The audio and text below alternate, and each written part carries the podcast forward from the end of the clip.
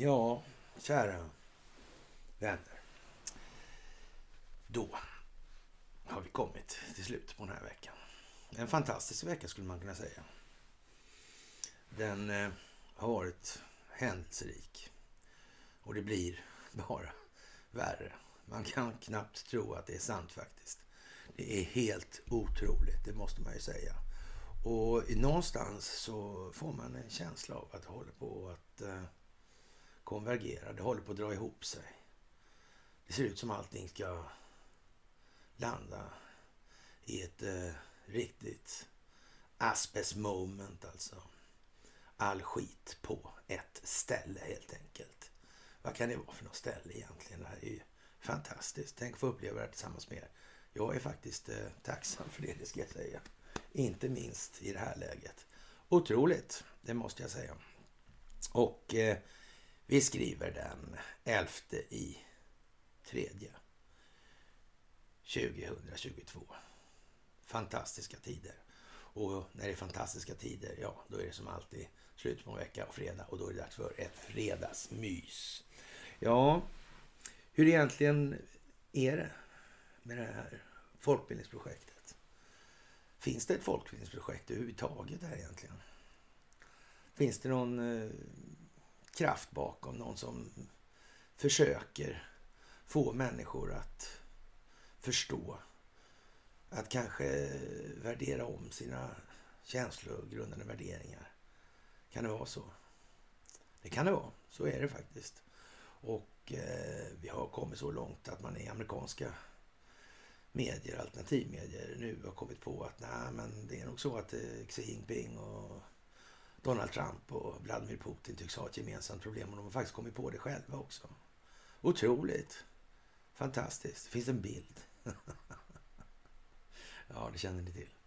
Det känner ni till. Men eh, vi kan väl börja med att tacka för allt ni gör för det här. För det är ni som är själva grejen i det här. Ni är både verktyget, medlet och vägen helt enkelt. Det är oss det handlar om tillsammans. Det är vi som utgör den förändring som vi vill se i vår omvärld. Och genom att föregå med den typen av föredömlighet. Så är det. Och det gör ni hur bra som helst. Så ett stort tack också för gåvor på Swish och Patreon och ett stort tack för att ni fördjupar er på karlnorberg.se. Det är naturligtvis väldigt, väldigt viktigt i det här läget. Och ett stort tack för att ni hakar på Telegramtjänsten naturligtvis. Föreläsningsturnén börjar nu här och eh, vi börjar, har börjat röra på oss och därför är det en lite annorlunda miljö här. Och eh, ja, det är helt otroligt. Det ska bli väldigt roligt att träffa så många av er. Och eh, det är ju en fantastisk uppslutning faktiskt. Redan innan. Det är nog helt otroligt. Det är jätteroligt. Och som sagt, anmäl er i mån av plats då på de platser som ligger nära er till exempel. Då. Annars får ni åka längre. Helt enkelt. Jätteroligt. Ja, och här i Sverige kan vi väl börja med då att då har polisen gjort klart att man tar ställning helt enkelt i politiska konflikter i den här Ukraina-frågan. Och man eh, klargör ju också grunden lite grann då att det i och med att man förlänger den här militära insatsen för Ryssland då, och det kan ju inte möjligtvis ses som någonting som är sådär helt lyckat ur ett ryskt perspektiv. Det måste man ju kanske tänka på och sätta ur perspektivet vad det här är för någonting egentligen då. Det som svenska medier med ganska stark vilja undanhåller befolkningen. Och det är naturligtvis meningen också att det här ska rulla in utifrån om ni känner igen begreppet så att säga. Det ska göras klart för den svenska befolkningen att de här medierna, de är ingenting att lita på. De gör ingenting för befolkningens bästa i något som helst sammanhang och det har de aldrig gjort. Åtminstone inte sedan tidigt 30-tal, alltså de här tidningskrigen med Jörne och så vidare. Det är så den bistra verkligheten ser ut för Sverige. Ja, vad gäller det politiska ställningstagandet i förhållande till den djupa staten då och svenska polisen så ja, det lämnar ju inte så mycket tvivel inför vad som oundvikligen komma skall i det här. Det är ju inte mycket att be för. Och man har ju flaggat för det här 2 målet då när det gäller försvarsbudgeten i förhållande till BNP. Och det kan man väl utan att vara alltför genialisk räkna ut att det har nog att göra med att ingen ska kunna säga nej på grund av att man har för låg försvarsbudget så att säga, när det gäller ett deltagande i Nato. Och, och, som sagt, men man ska vara väldigt försiktig när man önskar sig saker här i världen i de här tiderna. Önskar sig saker utifrån att eh, man lever i en falsk föreställningsvärld. Det kan ju bli väldigt olyckligt om någon har kommit på det här och spelar ut det då så att säga. Det skulle vara förargligt om det kom en massa amerikanska soldater här på svensk mark. Det vore ju väldigt olyckligt kort sagt. Och jag tror att man får ju liksom passa sig lite grann för den delen. Ja, det, det skulle kunna vara så alltså. Mm. Och skulle det sen upptagas alltså att eh, det har förekommit valfusk alltså i USA. Och dessutom finns det svensk inblandning i det här i och med telekominfrastrukturen inte minst. Ja, då är det som det är. Och det här Ukraina-historien alltså. Det, ja, det här med att leverera vapen dit det var ju synnerligen illa ansett av Ryssland. Det är konstigt. Ja. Jag vet inte om... Det verkar precis som man har blivit spelade. På något märkligt vis. Eller? Gör inte det? Ja, jag tror det. Så här på en fredag. Solsken och allting. yes. Och det går bra i hockeyn och så vidare. Ja, ja, ja, ja, ja, ja. Mm. Men det här bygger ju alltså på att finns det en sån här äh, koordinerad strategisk planering överhuvudtaget? Gör det det då? Och äh, finns det någonting som tyder på det? Eller finns det saker som inte tyder på det? Det är liksom bara önsketänkande från konspirationsdårar i största allmänhet. Jag vet inte. Det får var och bedöma själv alltså. Mm, men den kognitiva dissonansen den finns där i alla fall. I en rad olika sammanhang, så är det ju. Mm. Av någon anledning. Jag vet inte. Kanske, ja. Vi svenskar vet bäst kanske. Av alla på hela jorden genom alla tider. Det kan vara så, det kan vara så. Förvisso, förvisso.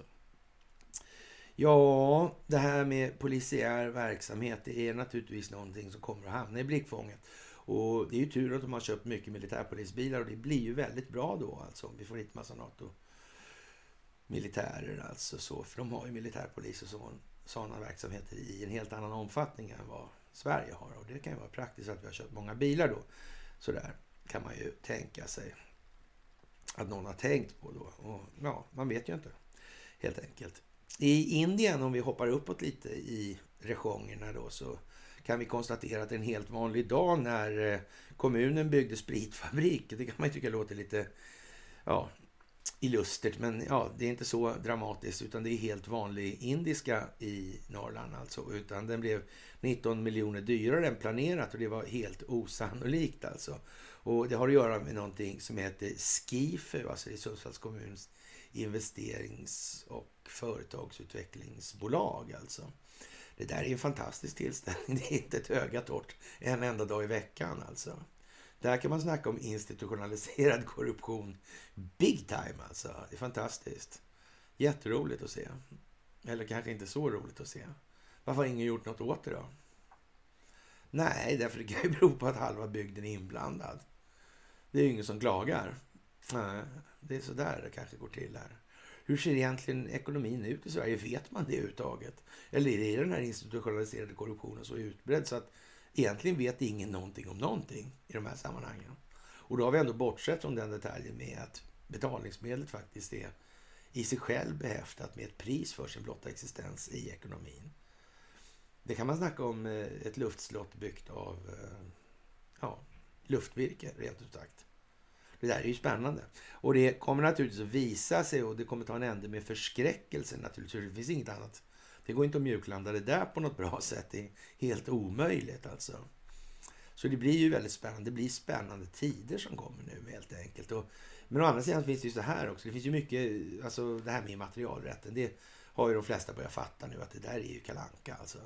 Och det har ju det kanske är få saker som har hämmat samhällsutveckling så mycket som just den delen. Och, och, det kan man väl kanske möjligtvis eh, räkna ut då också att om det här blir så att säga mera tillgängligt för gemene man nu så ja då är ju situationen annorlunda. Det kanske finns ja, läkemedel till exempel som har helt andra effekter än vad som har varit känt. Det finns många saker alltså. Det kanske finns ja, så att säga, teknologiska landvinningar som förändrar stora delar av samhället på en gång. Det vet man ju inte. För om det är enskilda vinstmaximeringsintressen som har styrt det här, då har ju de så att säga främst sett till sitt eget gottfinnande. Och de har inte brytt sig så mycket om samhället. Det är ju liksom så, det måste man ju acceptera i det här läget då. Och, men det står alltså fantastiska tider för dörren ur en rad olika perspektiv som vi faktiskt inte har pratat om. Men vi får ta en sak i taget helt enkelt. Det viktiga är nu att folk så att säga, kan förenas kring vad som utgör en gemensam problemformulering. Och därifrån kan vi börja adressera de problem som vi faktiskt står inför och ställs inför framgent. Det är viktigt nu och det är liksom inte jättemånga andra sätt som står till buds. Alltså det är... Ja, sådär. Ja, Ukraina då ska avmilitariseras. Det är ju en eh, viktig del i det här och det ska göras neutralt, alltså till ett neutralt land. Och egentligen är det ju så här att neutrala länder eh, kan ju inte rimligtvis egentligen behöva någon militärmakt på det viset. Är de neutrala och öppna och transparenta så är det ju en fråga för någon form av världssamfund då. Och hantera eventuella ambitioner att sätta sig till doms över de här neutrala länderna. Men tyvärr är det ju inte riktigt så det fungerar och har fungerat. Och det har ju hela tiden byggt på att man har konstruerat sådana här polariteter då, eller ja, kulisser där en är en ism och en annan är en annan ism. En motism, en antiism då. Och, och det här är ju liksom ett ofog och det här är ju gammalt. Det här har ju hållit på sedan länge. Och man kan väl säga så här att när man slaktade hedningarna då på vikingatiden för, och de gjorde de kristna då igen då i religionens namn så är det ju nästan som man får känslan av att det var ju nästan som att man moderniserade det här styrverktyget då. För det var ju rätt fritt det där med asatron i den meningen. Och det är ju liksom ingen lyckad historia att hålla på och bete sig så överhuvudtaget. Det är ju inte särskilt humanistiskt stormaktsmässigt. Nej, men det blev ju så av någon anledning. I Ukraina då så är ju gammal eh, svensk byggd också. Och där har vi en massa, massa kopplingar i olika sammanhang. Inte minst när det gäller telekominfrastrukturen. Det är otroligt vad en del har varit flitiga faktiskt. Och de här tre särskilda sändebuden, ambassadörerna där. Fantastiska människor. Storartat filantroper nästan. Nej, det är de ju inte, men de är i alla fall stora humanister allihop. Det är de ju. Det kan vi konstatera. Och bara det borde ju ha fått folk att liksom, nu ser de, nej det gjorde de inte. Nej. nej, det är inte bara jag som lider av den här åkomman och jag tror att det behövs inte så mycket, va? så kommer alla att förstå allting. Det är någonting som vi lider av lite till mans. Och det är samtidigt det här med tålamodet. Man måste ha tålamod nu, det är det viktiga i det här. Tålamod är allt nu i det här. Och sen får man ha överseende med att många människor har klara problem med att förstå vad det är som utspelar sig runt omkring dem. För, och de behöver ingen uppmuntran att känna sig dumma. Alltså. Det kan man konstatera med glasklar visshet. Alltså. Det är helt säkert att det, det ligger där ändå. Liksom. Man behöver inte odla det så särskilt mycket. Och Ja, de här ja, vad ska vi säga, labben då och de kontroverser som är kring det här nu. Det är ju mer eller mindre löjeväckande alltså. Och de förklaringar som kommer i, de här, i samband med det här, det är också mer eller mindre skrattretande bara. Det är liksom inte någonting annat. Och jag tror nog att vi inom en ganska snar framtid kommer konstatera att det här krackelerar snabbare än vad vi önskar oss. Alltså. Det hade varit bättre om det gick långsammare för det här kommer gå väldigt fort. vad det lider. Och, och när då till exempel Taiwan hamnar, eller ja, säga så här, när Kina lägger sig i det här, då blir det oerhört svårt inrikespolitiskt för Sverige att hantera det här. För det kommer inte gå att hantera det på samma sätt som man hanterar det här med Ukraina, fast det gäller exakt samma sak. Och det kommer naturligtvis att noteras. Att det finns en diskrepans där, alltså det finns ett delta däremellan. Det är någonting som vi kan vara helt förvissade om. Och där, om inte förr, kommer det att bli otroliga skillnader framgent. Och det kommer så att säga aktualiseras. Vad är det här för någonting? Hur kommer det sig att Sverigedemokraterna gör så här? Varför är de nu vänt på alla sina ståndpunkter som de har haft i sitt valmanifest? Det är ju ingenting som är kvar. De har inte hållit på så länge, men de har ju i alla fall klivit upp i samma nivå som socialdemokratin när det gäller det här med monarkin. Alltså det är fullkomligt häpnadsväckande. Jag är helt övertygad om att det är rätt många av för detta sverigedemokrater som tycker att det här var det mest bedrövliga de har upplevt i politiska sammanhang. Och det kan man ju faktiskt förstå att de tycker. Men det är tyvärr så det är. Och det är inte bättre än så i det här landet. Det kan vi konstatera nu. Och eh, ja, i Expressen så tar man upp den här frågan med eh, Ukraina då. Det här är ju liksom en lite pinsam historia därför att det här, de reguljära enheterna och för all del miliserna också sitter nu i så att säga en kittel då, då kan man säga då, om man tittar på från sidan då på det här. Och, och, och är då omslutna och, och kringrända helt enkelt. Och, ja, nu kommer man krympa avstånden här bara.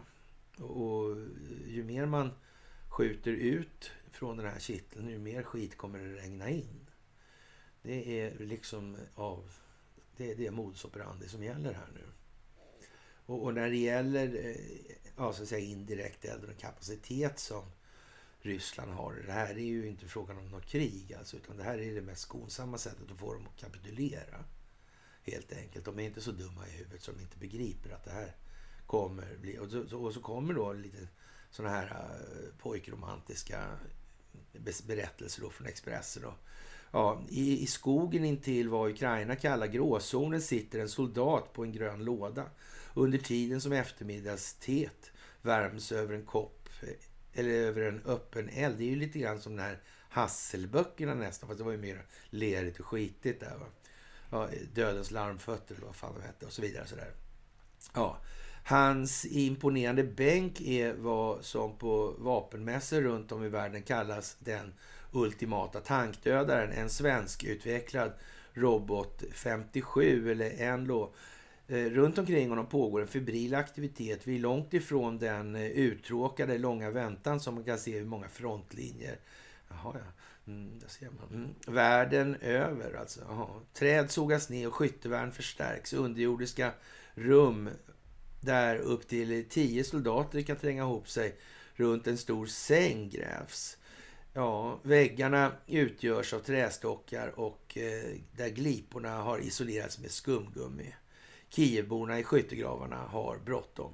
Vi vet inte när ryssarna kommer att attackera storskaligt. Det kan bli om två dagar, men kanske redan ikväll eller om en vecka, säger Viktor Sassina. Så mycket kan vi ju säga att de håller nog ut på det så mycket det går därför att tristessen där inne kommer att börja bita. Det är så. Spänningen kommer att ta sin tribut. Och ju mindre lidande man kan åsamka i de här sammanhangen, desto bättre är det naturligtvis. Och det här handlar om att alla de här ditresta ligorna då, eller vad vi ska kalla dem för, de är ju där på lite märkliga grunder alltså. Och det här är någonting som ligger i analogi med den här kuppen då, Majdan, som arrangeras, arrangerades av den djupa staten genom det amerikanska utrikesdepartementet. Till exempel. Det är en riktig skitsoppa helt enkelt. Mm. Och det har finansierats som labb, de här... Äh, vad ska vi kalla dem för egentligen? Det kemiska stridsmedelsinstanser. Alltså det har ju finansierats sånt från Gud och hela världen i det här. Lustigt nog också Hunter Biden. Det är konstigt. att han fanns inblandad i det där också. Ja, Eh, men ingen känner till någonting om det här. Sverige har ingenting med någonting att göra. Han, hyr, han hyrde visserligen rum då i det här House of Sweden och, och de här bolagen som har varit med i den här soppan med att finansiera de här labben. De hyrde där också. Men det kanske inte hade någonting med Sverige att göra ändå. Då. Det var bara en tillfällighet kanske. Man vet ju inte. House of Sweden där. Jag vet inte hur, det, är, hur var det där egentligen? Kan det hänga ihop eller? Nej, det är nog ingen risk faktiskt. Det tror jag inte. Det är nog inte. Det är nog bara spekulationer. Ja, ja. Och eh, det här är ju liksom eh, lite tragiskt när Expressen gör så här. Och det handlar ju om att skapa en bild hos folk. Och i Expressens fall som är då strategisk partner till CNN så får man nästan tänka sig att ja, de håller på och knyter upp ett rep och undrar vem ska hänga i det här. Det är lite den analogin man får göra tror jag. Och det är inte så mycket att göra åt faktiskt i det här läget. Det är som det är nu med den saken. Ja, trist men eh, ändå alltså. Och eh, ja, det är ju naturligtvis en del sådana här eh, försköningar eller förskönande omständigheter skulle man kunna säga. Och under torsdagen hävdade huvudstadens militärer att de hade förvandlat ytterligare fem ryska stridsvagnar till rykande skrot. Alltså. Området var för oroligt för att Expressen skulle kunna bekräfta det. Jo, men Bagdad Bob fanns ju också, det är ju så. I det här. Och det får man inte glömma, alltså, även om han var anställd av CNN också naturligtvis. Men ändå. Och, och, ja, man får tänka på att det här är ju liksom, handlar om opinionen, det handlar om optiken, det handlar om att människor ska få en bild, om en upplevelse av någonting som gör att de reagerar, som gör att de känner att de tidigare känslogrunderna, och värderingarnas föreställningar faktiskt vilade på gungfly helt enkelt. Nattgammal is och nu brast det. Ja, det är ju lite sådär kan man tycka att det ska behöva gå så långt. Men det är ju i alla fall någonting som är nödvändigt. Och Ukraina är då en failed state eller fallerad stat eller havererad stat som stat be, ja, betraktat. Och det, det, är liksom inte, det är inte någon demokrati på det sättet. Det, går, det är liksom inte okej okay egentligen då att man gör som Joe Biden gjorde. Och det här är ju någonting som hela världen har sett nu men väldigt, väldigt många blundar för att låtsas som att det inte finns. Men verkligheten är nu en gång vad den är och det kommer att bli enligt verkligheten som allting kommer att gå. Sagor går bara så länge till folk förstår att det är sagor. Sen går inte det längre som berättelser om verkligheten. Det är bara så. Ja, trist historia kanske för många, men i alla fall då. Och ja, det här med svensken då och det här med den filosofiska materialismen. Varför gör man så här nu till exempel på SVT när, och, och tar upp det här då och, och, säger att Bert Karlsson öppnar flyktingboende i Skara klart på fredag. Och utan att för den skull så att säga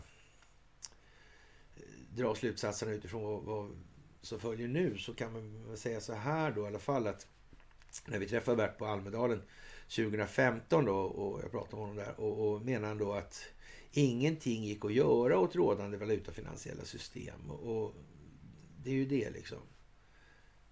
Ja, det beror på vad man menar. Alltså, nej, men om man tar bort det och gör om det till något bättre, då är det ju liksom inte bra. Men, eh, men om man vill fortsätta att tjäna pengar alltså, då vill man ju ha det där, där man så att säga sitter på vinnarsidan. Men nu är ju Bert så gammal så han kanske tycker det spelar ingen roll då. Han kör så länge det går liksom helt enkelt. Och sen får man ju lag efter läge i vad som kommer då.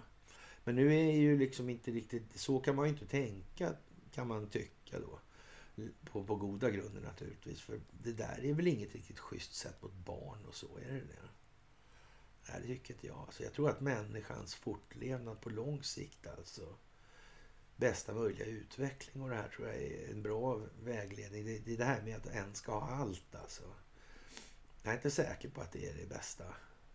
Jag tror inte det. Men, men många tror ju det. Alltså. Jag, det är klart att det är, det är liksom en närmast oöverskådlig mängd människor som måste lära om och, och, förstå att det här går ju inte i det långa loppet.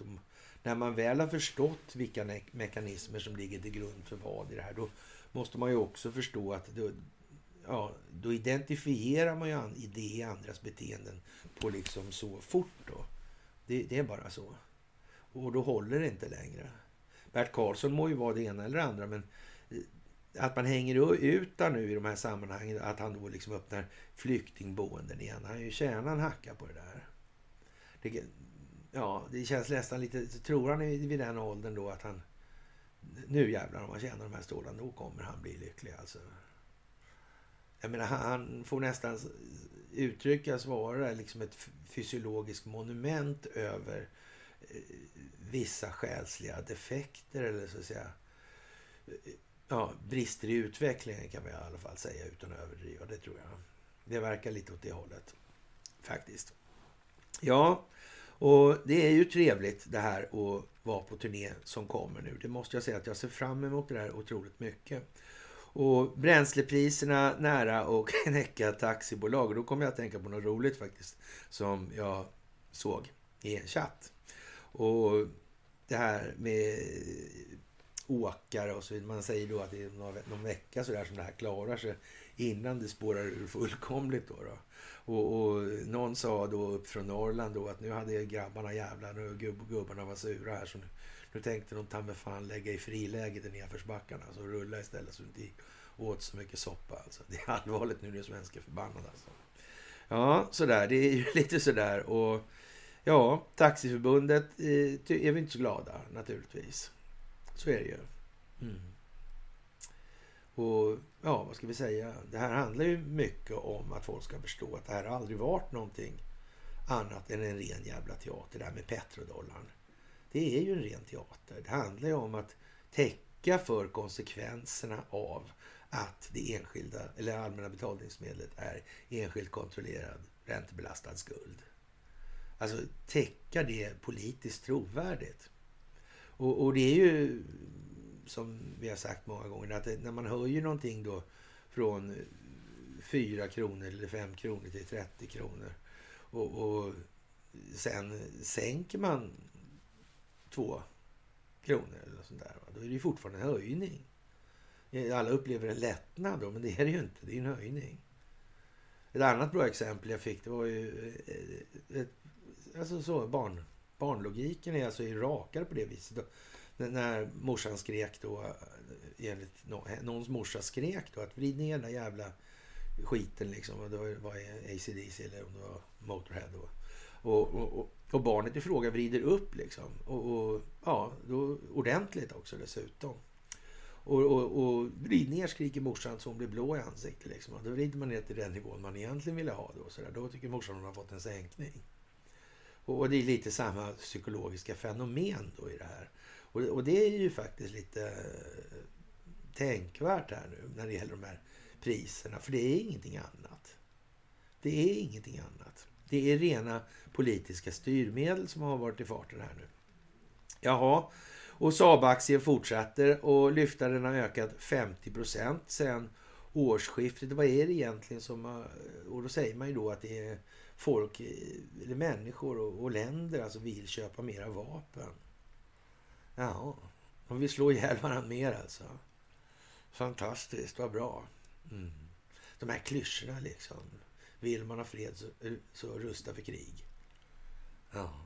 Det här med samförstånd, samarbete, transparens och öppenhet är inte aktuellt alltså. Utan det är den snikna, snöda girigheten som ska råda. Det är viktigt det där alltså.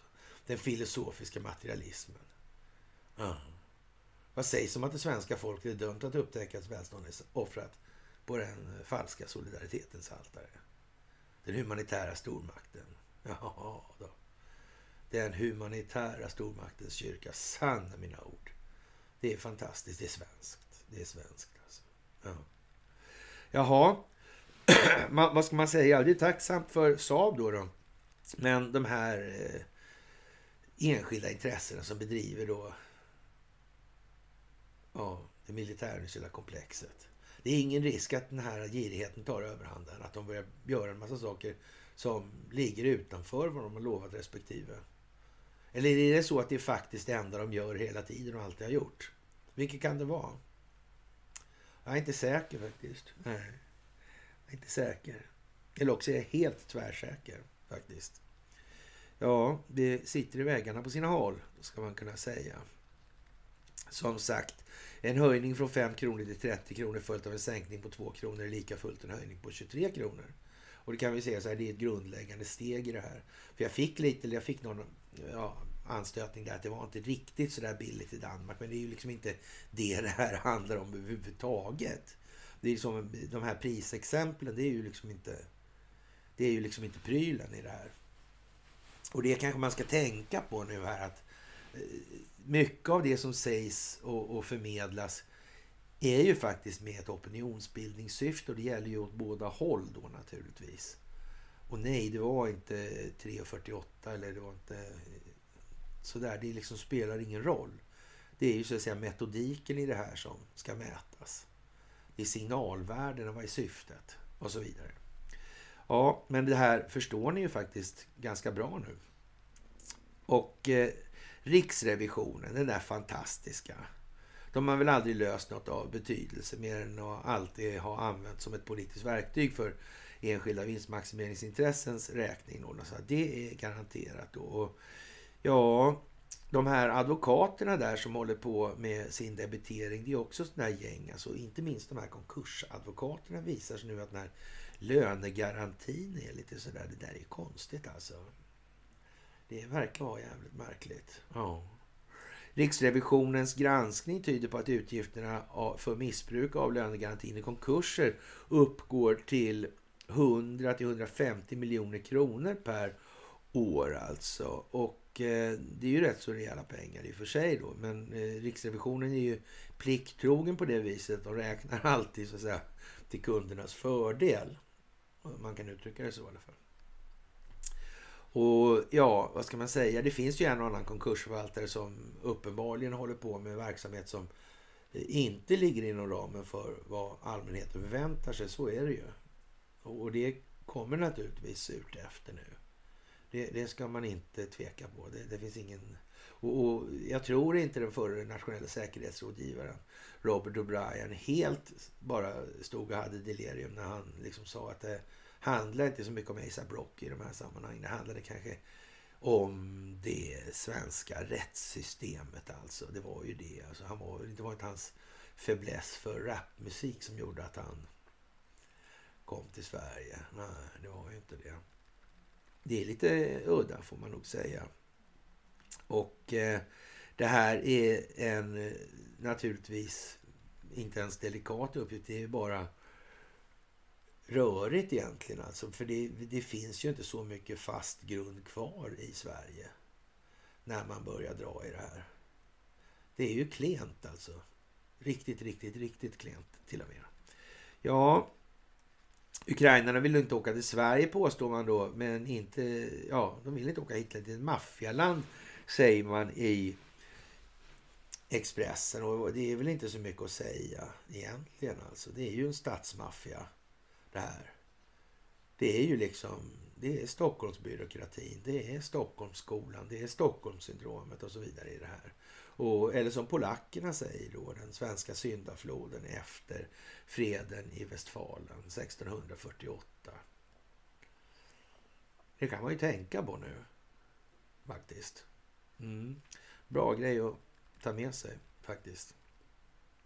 Jaha, och eh, Boris Johnson, han vet hur man spelar för att vinna. Det är ju inget snack. Och domstol väntar britter som rest till striderna i Ukraina. Och det här är Guardian som rapporterar då och eh, via Omni då här. Och ja, vad ska jag säga? Eh, Johnson säger att han, inte, att han inte tror sig ha sett en så tydlig skillnad mellan rätt och fel och gott och ont som kring Vladimir Putins invasion av Ukraina. Och hur man läser det, det är naturligtvis upp till en var att avgöra själv. Men eh, som sagt, Boris vet hur man spelar för att vinna.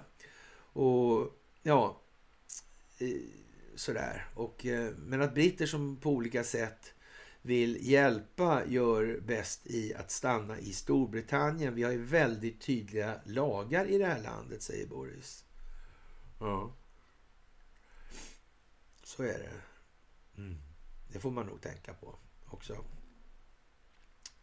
Och vi kommer till det här med WHO till exempel. Alltså det här man... Eh, ja, vad ska man säga? Anmodade alltså Kiev att eh, förstöra de här patogenerna av någon anledning. Och, och enligt den västerländska versionen nu för att de inte skulle falla i händerna på ryssarna. Då, då. Och, och, det här är väl i princip gamla kvarlever då från gamla Sovjetunionen. Och naturligtvis då så varför skulle ryssarna, om de ändå håller på med sånt här alltid och så vidare, så där som väst säger då, varför skulle de behöva ha tag i dem där för?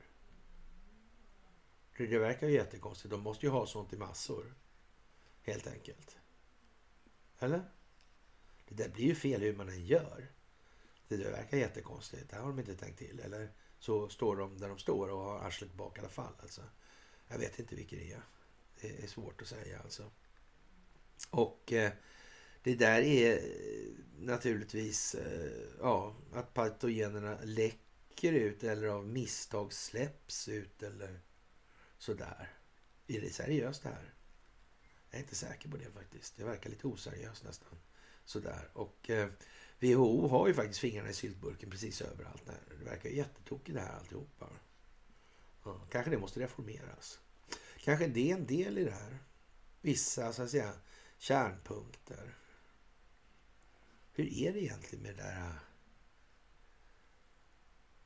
Taiwan? Jag vet inte. Konstigt. Ja.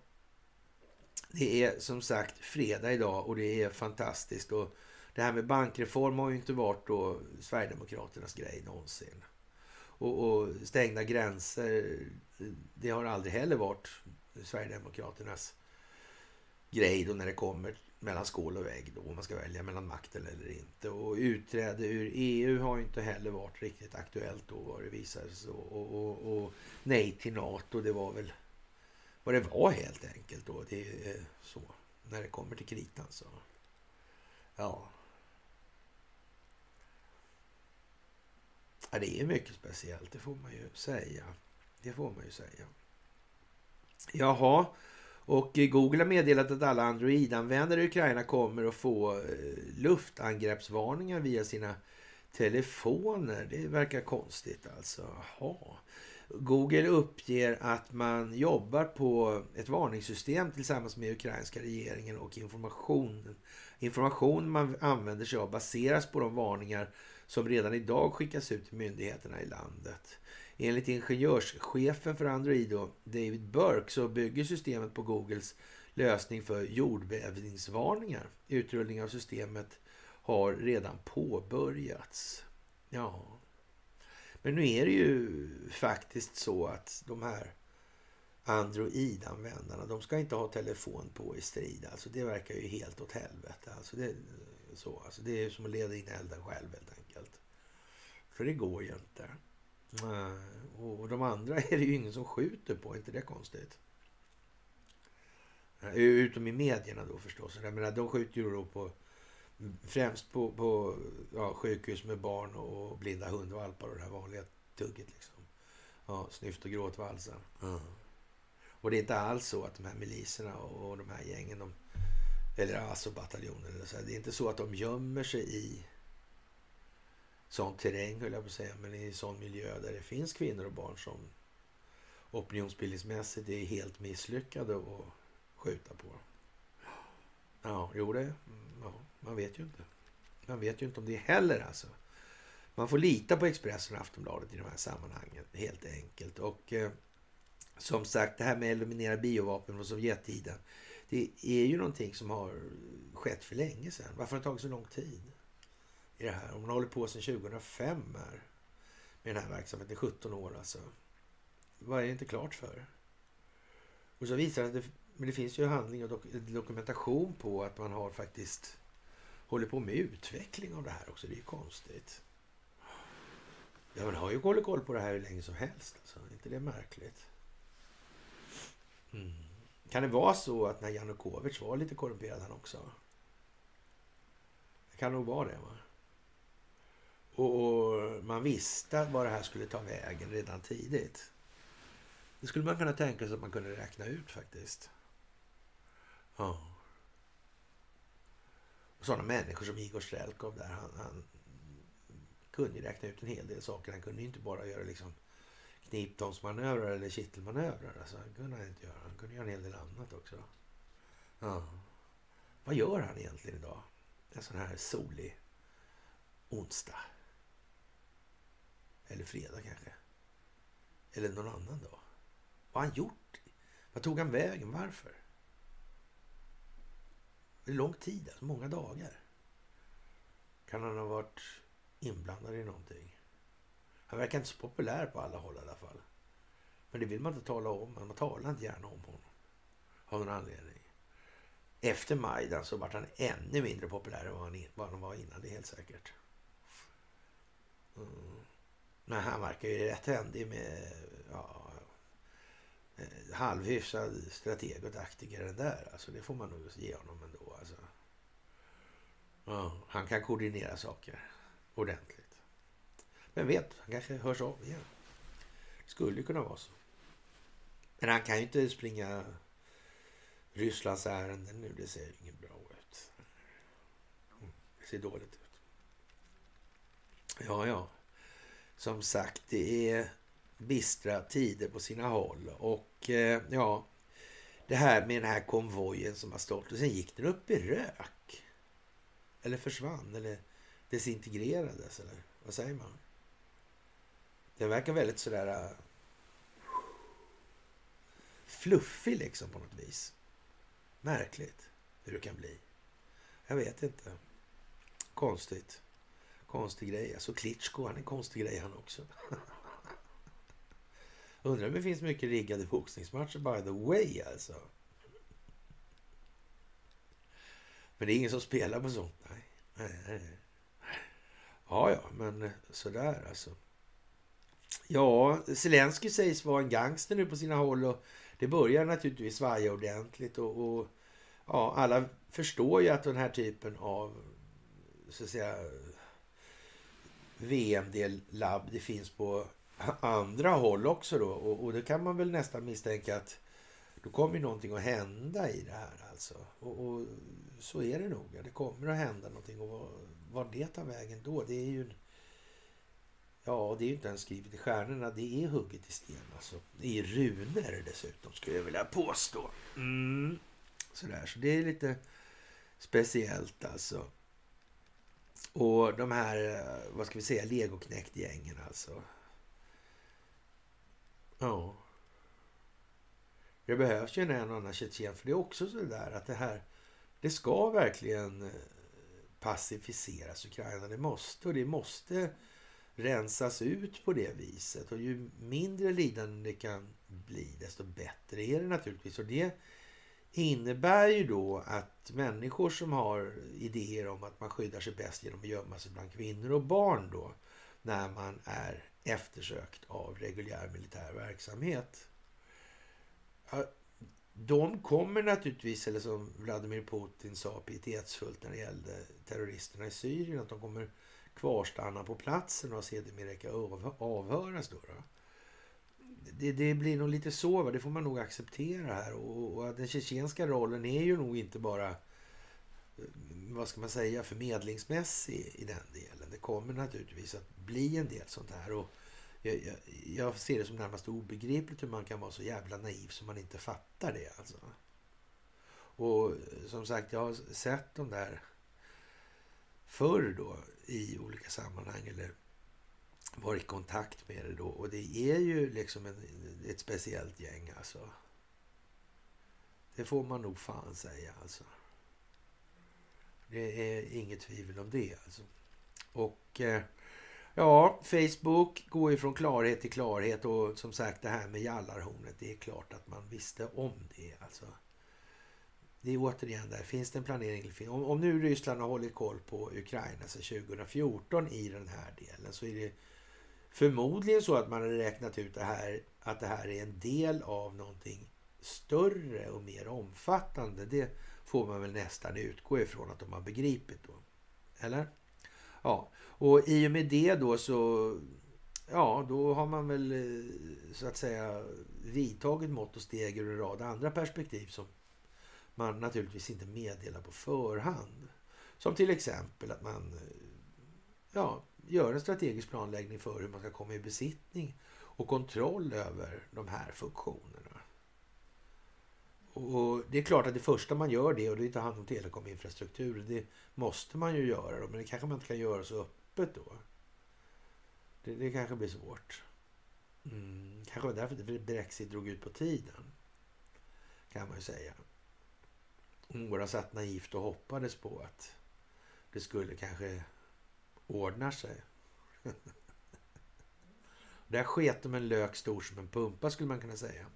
Att Facebook tillåter hets mot allt ryskt nu då.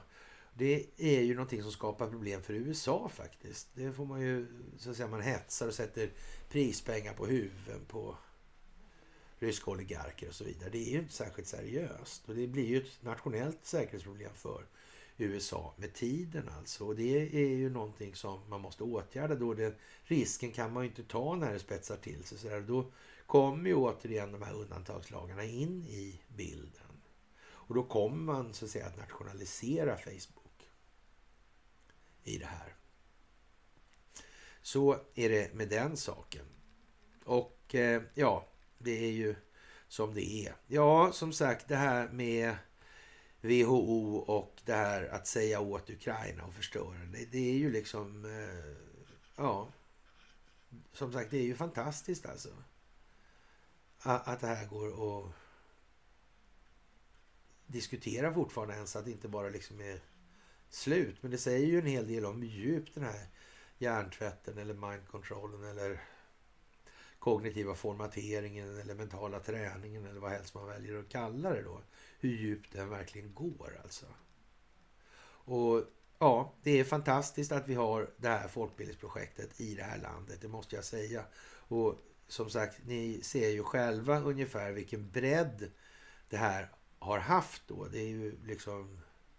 Ja, vi känner ju i princip varann till namn nu i alla fall. Ja, sådär alltså. Det, det är ju rätt många som pysslar med rätt mycket annat skulle man kunna säga i vart fall. Och, och, men det hjälper inte. Alltså att beskriva verkligheten är en sak, att beskriva någonting annat är någonting annat. Det är bara så. Ja, vilseledarna har ljugit sig själva i foten, Olof Ehrenkrona i SvD. Och jag vet inte riktigt om jag sett någonting värre. Och man får, det börjar bli lite eljest för att inte säga rakt ut att det är oerhört pinsamt alltså. Och Ehrenkrona är ju en riktig jävla cirkusfigur alltså.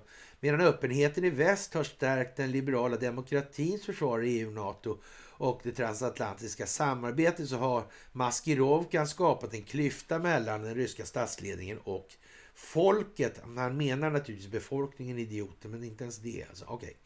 Men i en artikel för knappt ett år sedan introducerade Patrik Oksanen begreppet maskirovka för SVDs läsekrets som tydligen har en bildningsnivå som fiskmåsar då, för de inte kunde mer än så. Alltså. Maskirovka handlar om vilseledning och var ett nyckelbegrepp i Sovjetunionens militärdoktrin.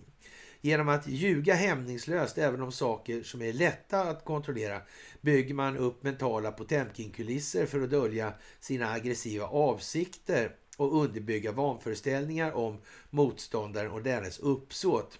Titta inte på vad Ryssland säger utan titta på vad de faktiskt gör var också kärva rekommendation alltså. Nu har kulisserna rasat, inte minst genom vad som skulle kunna beskrivas som ett amerikanskt H.C. Andersson, som en amerikansk H.C. Andersson-doktrin att som pojken i sagan om säga att kejsaren är naken i mer än ett års tid har amerikanerna med eh, tilltagande transparens ställt sin underrättelseinformation till allmänhetens förfogande och kontrasterat den mot den ryska ledningens uttalanden. Och det är alltså på allvar den här jävla trallgöken påstår att sådana som James Comey och Klapper och, och Brennan då, det, det är liksom eh, det är moraliska föredömen kort sagt alltså. Mm, det, alltså jag vet inte. Vad ont har den här jävla Ehrenkronan gjort alltså? Det, man undrar ju, det där är ju inte så snällt alltså. Det, är, det måste vara rejäla hållhakar på den där alltså. Det, det går inte av för hackor att behöva skriva sån här skit alltså. Ja, det är, eh, ja. När invasionen till slut också verkställdes kunde alla jämföra vad som verkligen skedde på marken mot en kaskad av uttalanden om motsatsen som hade kommit från den ryska statsledningen och den diplomatkår som för decennier framåt inte är disponibelt för seriösa samtal i väst. Jaha, nej, i väst står, slår Maskerovka nu tillbaka med full kraft. Ryssland framstår öppet som den skurkstat som Putin-regimen och hans anhang från Sankt Petersburg-tiden har skapat. När tv-bilderna på de ryska truppernas gränslösa brutalitet kablas ut över den civiliserade världen vill ingen längre ha något att göra med dessa förhatliga, dess, denna förhatliga regim. Man undrar ju stilla här hur, eh, bara liksom som ren hypotes då, vi, vi, vi leker med tanken och, och, och, tänker så här då istället att om det nu skulle visa sig då, alltså det, det är en, en, en hypotes naturligtvis, alltså, att det skulle visa sig så här att det är faktiskt rätt i förhållande till verkligheten det som Ryssland och Donald Trump och Xi Jinping anför. Det, det har bär, det är bäring på verkligheten 100 procent alltså. Så vad, vad, tror den här jävla Ehrenkronan då egentligen? Vad, hur ska vi se på honom då? Ska vi slita isär han med hästar eller ska vi låsa in han för evigt eller vad, hur har han tänkt sig? Eller är det meningen att det här ska liksom växa, alltså säga, väcka ett anslag av vilja till förlåtelse då kanske? Och, och hans det här sättet och liksom den här aggressiva framtoningen att det ska väcka någon form av känslor hos människor då att jo men det, det, det är ju ingen väg framåt då och, och liksom så ryssarna kommer ju finnas kvar då.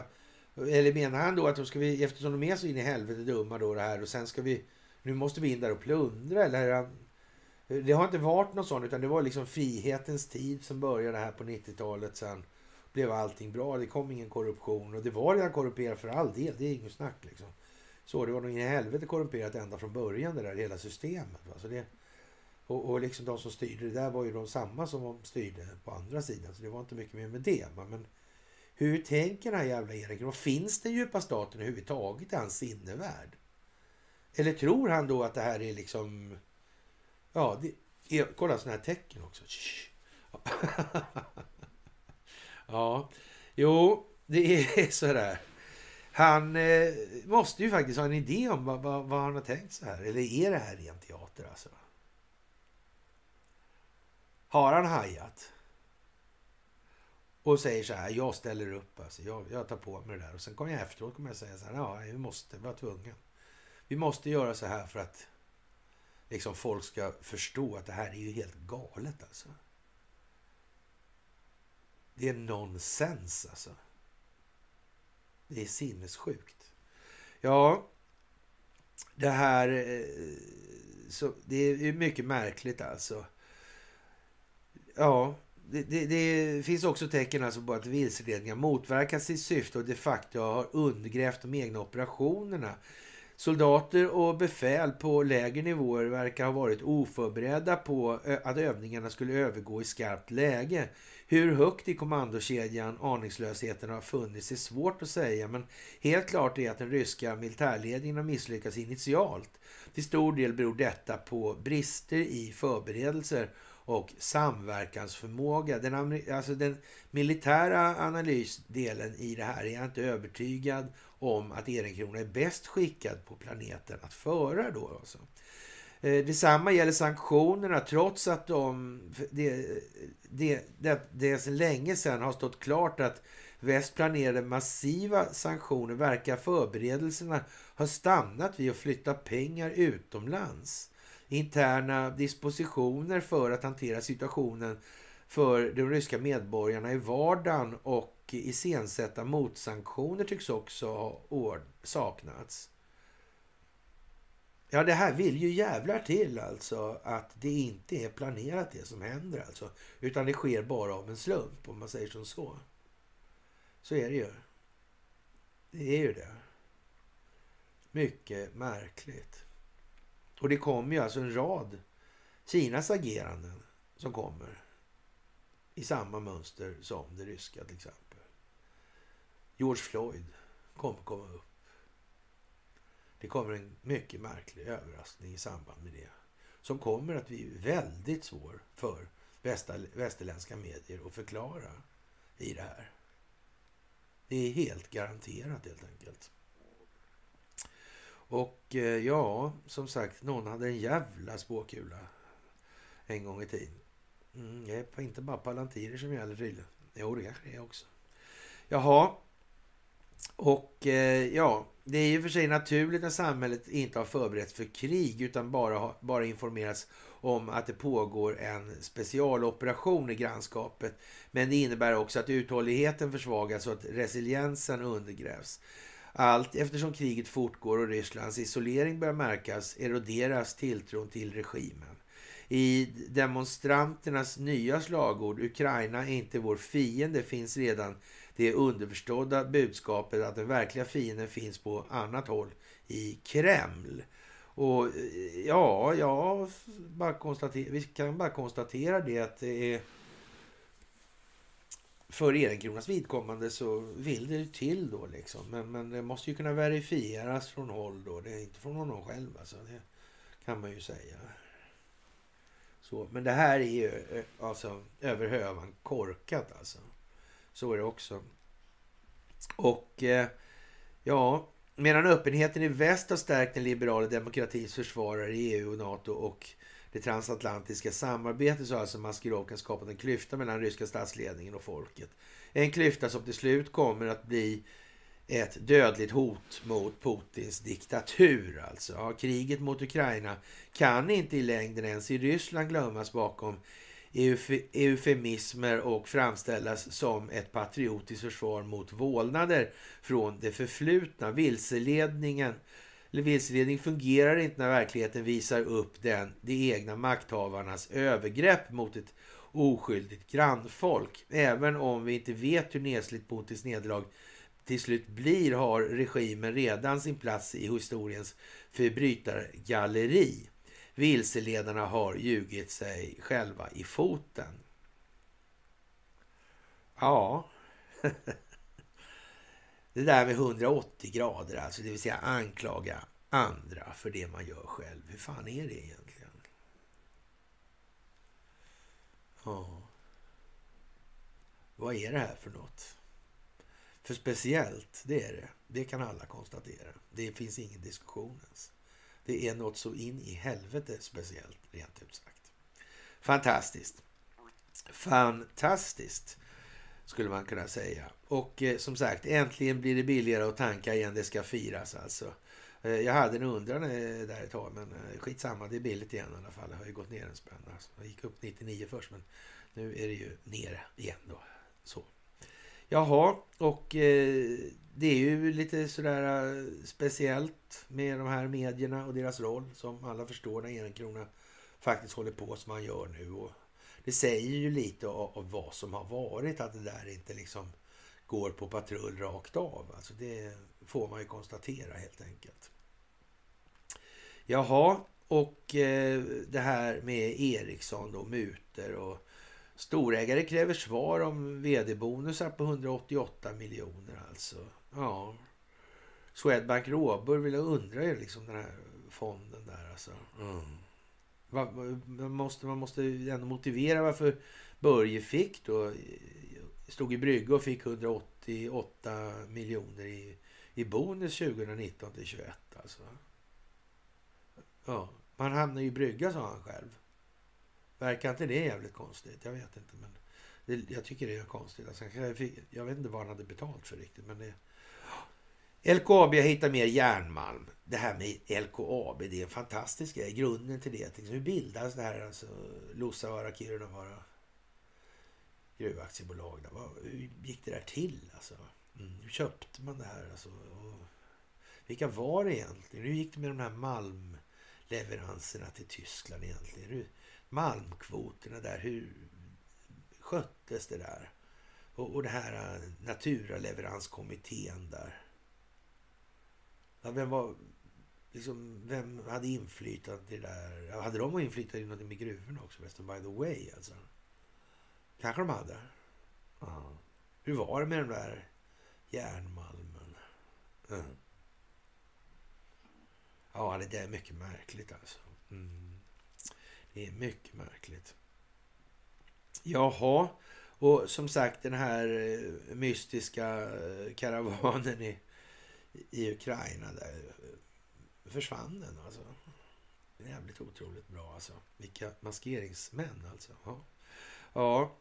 Ryssland har gett ukrainska reparatörer tillträde till Tjernobyl då för att laga elförsörjning, kraftförsörjningen där. Som tydligen har trillat ihop av någon anledning. Det är ryssarna själva som har förstört det. Och sen så ger man Ukraina tillåtelse att reparera det. Jaha. Men det är klart att det är bra då.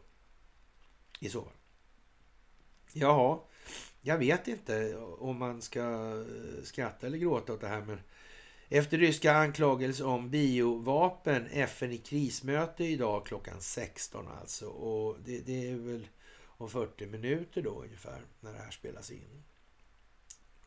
Ja, vad kan det bli av det här då? Tro. Tänk om de har planerat ihop. De här på bilden, ni vet. Ja, vi får väl se hur det är med den saken. Som sagt, och vad är Strelkov? Var är han någonstans?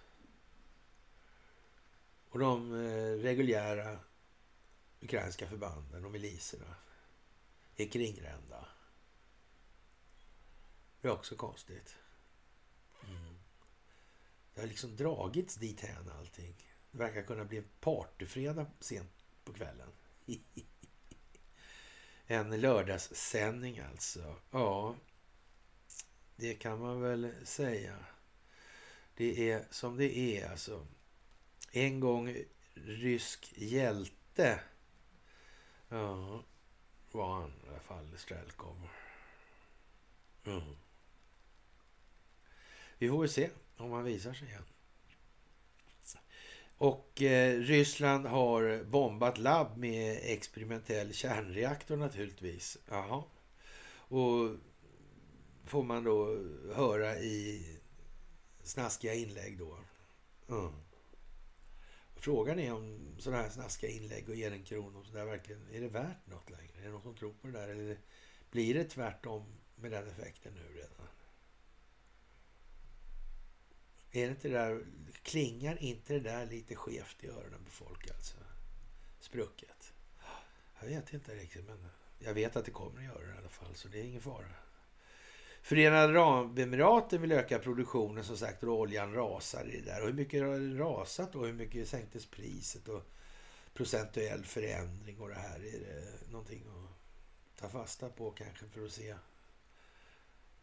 att det kanske inte det är som man trodde eller så. Är det ett pedagogiskt grepp till? Ja, vi får ju hålla på alltså. Det är som det är bara.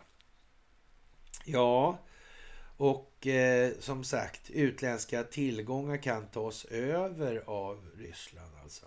Mm. Inte Ericsson, alltså. Det är inte, det, det är inte därför de har beställt så mycket heller. Och det har avtal på det. Så det är så, så är det, det är inte, inte så, det är inte så det är planerat. Alltså, att det skulle bli så här. Och, och samröret för Ericssons vidkommande med IS då, det är ingenting som man betraktar som samröre med terrorism från amerikansk sida. Så de kommer inte att ta... Och, och, eh, och Kina har ju som sagt sin Huawei-process där också. Och där hänger ju resten av jorden på. Ja, och Sverige vinner. Ja. Det är snudd man anar att de kommer snudd, lägga sig lite nästan. Ja, kanske det kanske. Vem vet, vem vet ja. Mm. Och då tar de väl eh, Eriksson i alla fall då? Eller? Det tror jag i så fall. Ja, ja, hur som helst.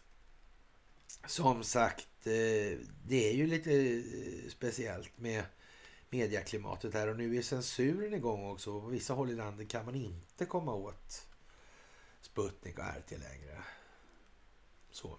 Och vissa då internetleverantörer speciellt. Man kan se vilka de är faktiskt. Det är också speciellt.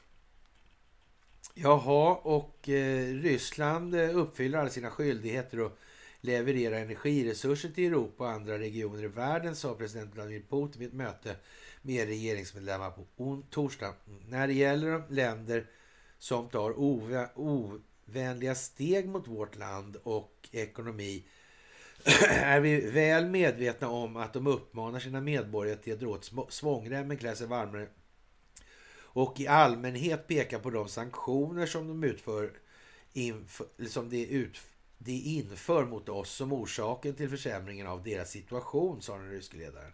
Det hela ser väldigt konstigt ut, speciellt eftersom vi uppfyller alla våra energiförsörjningsförpliktelser, betonade Putin. Presidenten uppmärksammade det faktum att Ukrainas, ja, Ukrainas gastransportsystem är fullastat under de ryska kontrakten för gasleveranser till Europa.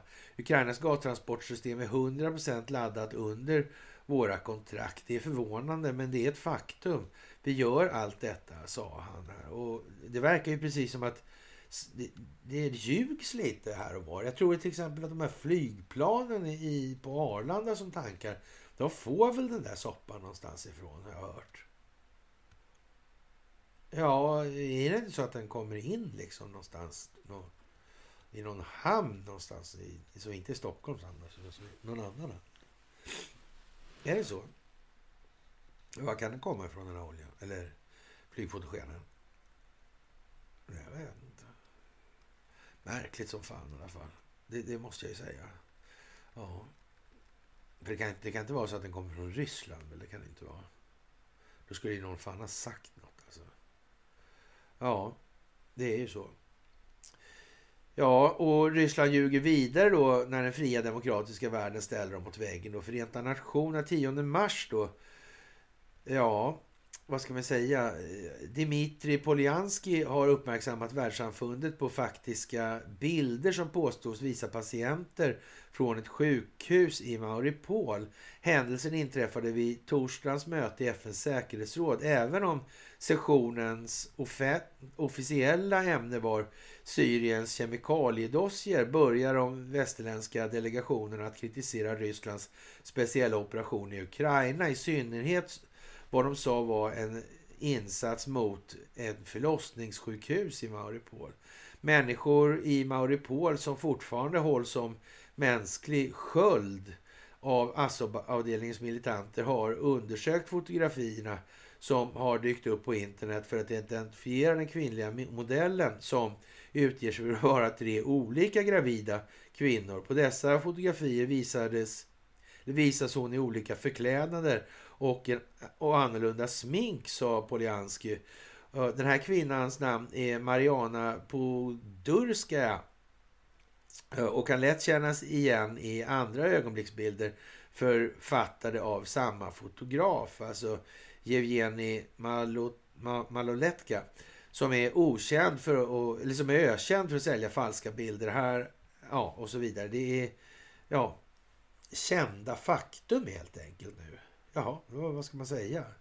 Det är väl fantastiskt helt enkelt. Och eh, ja, fantastiskt är väl egentligen en bra sammanfattning på det här. Alltså. Och det här med, tänk på Colin Powell till exempel. Det här man sitter där med antrax i den här glascylindern. Inne i kongress och senat. Det är ju fantastiskt. Det är fantastiskt. Det får man nog fan säga alltså udda helt enkelt. Och eh, ja, det här är ju någonting som är otroligt stort och det är komplext och det är mycket sammansatt alltså. Men det gäller att hålla blicken lyftad och inte stirra sig blind på detaljerna i den delen då. Och jag tror någonstans att det kommer att bli väldigt mycket lättare för människor att börja göra det när de väl har förstått att de faktiskt står där de står nu. Av en anledning alltså. Och det är inget bra att stå där sen. De har en viss självbevarelsedrift helt enkelt. Jaha, och Elon Musk han är på med det här med kärnkraften helt enkelt. Det här med strålningen och radioaktiviteten. Hur är det egentligen? Hur farligt är det och varför? Och så vidare. Det är många som lever i en föreställning om att det här är någonting annat än vad det faktiskt är. Och det kommer att komma fram. Var så säkra helt enkelt. Medierna har ett tungt ansvar för den totalitära coronapolitiken. Ja, det kan man väl säga utan att överdriva. Vad har lögner för prislapp? Är det för att vi misstar lögner för sanning? För det farliga, för det farliga är att människor hör för många lögner. Då får de svårt att förstå vad som faktiskt är sanningen. Men vad återstår då? Annat än att överge hoppet om sanning och istället nöja sig med berättelsen. Och eh, som sagt, det blir alltid att peka syndabockar av det här. Och ingenting annat. Det är vad man ägnar sig åt helt enkelt. Man orkar inte sätta sig in och man orkar, orkar inte förstå helt enkelt. Och det är ju lite grann det här att den som kontrollerar ja, nuet kontrollerar det förflutna och det som kontrollerar det förflutna kontrollerar framtiden så att säga. Vinnaren författar historien helt enkelt.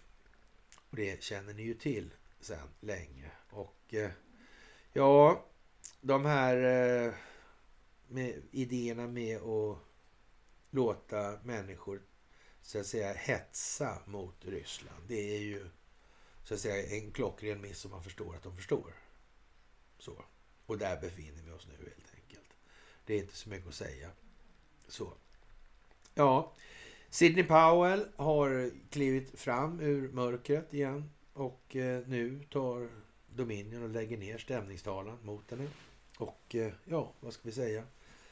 Så blev det och nu börjar den delen också. Nu börjar det här med valet, valfusket. Det trappas upp. Det kommer att bli ett jävla åkande, eller åka av nu. Det är bara det. Så. Och eh, många är ju naturligtvis spända inför det här och det är rimligt att vara, tycker jag. Många tycker nog att det är lite spännande, liksom lite, sådär, lite roligt nästan det här. Och det kan man ju inte sticka under stol med. Det är ju trevligt att det ska gå till det bättre för första gången i våra liv. Det är ju ändå lite speciellt, faktiskt. Och vi har väl eh, en framtid att se fram emot som är milt uttryckt eh, annorlunda än vad vi hade en aning om vad som skulle komma då, bara för ett antal år sedan. Så. Det här är mycket, mycket större än vad vi kunde föreställa oss. Och ändå så blir det lite av en ödets ironi när EU samlas liksom med statsöverhuvudena för ett möte då i Versailles. Versailles har funnits på tapeten förr, om vi säger som så. Man kan ju säga att det är lite av kretsarnas slutning då. Och i det här fallet så handlar det naturligtvis om kretsarnas kortslutning. För nu är det slut med det här systemet. Det kommer aldrig leva vidare. Det finns ingen chans. Det, är bara så nu. Och eh, vi har slagit sönder bojorna i det här. Och nu kommer en spelväxling som heter duga alltså. Nu kommer de här krafterna som motverkar den djupa staten att bli synliga i en långt större utsträckning. Och som sagt, man ska vara försiktig med vad man önskar sig när man har springer den djupa statens ärenden i det här. Det är alldeles säkert alltså. Det var inte det enda som påbörjades när man började övervaka de här labben 2014, utan det var långt, långt, långt, långt, långt tidigare som det här var någonting annat. Ja, Danmark ber om ursäkt för stulit barn på Grönland såklart. Alltså, det, är ju, det ligger ju i tiden nu allt sånt här och det kommer bara att välla på helt enkelt. Och det kommer inte ha någon ände. Det är allt som har varit i princip bygger på samma trevliga principer. Men hur som helst så vill jag ändå att ni ska ha en trevlig helg. Jag tycker det här är jätteroligt faktiskt. Men eh, det är fantastiskt att få göra det här med er. Det måste jag säga. Och det här blir fantastiskt bra också. Dessutom. Det är helt jävla säkert. Med det så vill jag önska er en trevlig helg. Och så hörs vi, om det inte blir jätterörigt då i helgen. Så eh, annars hörs vi alltså på måndag då.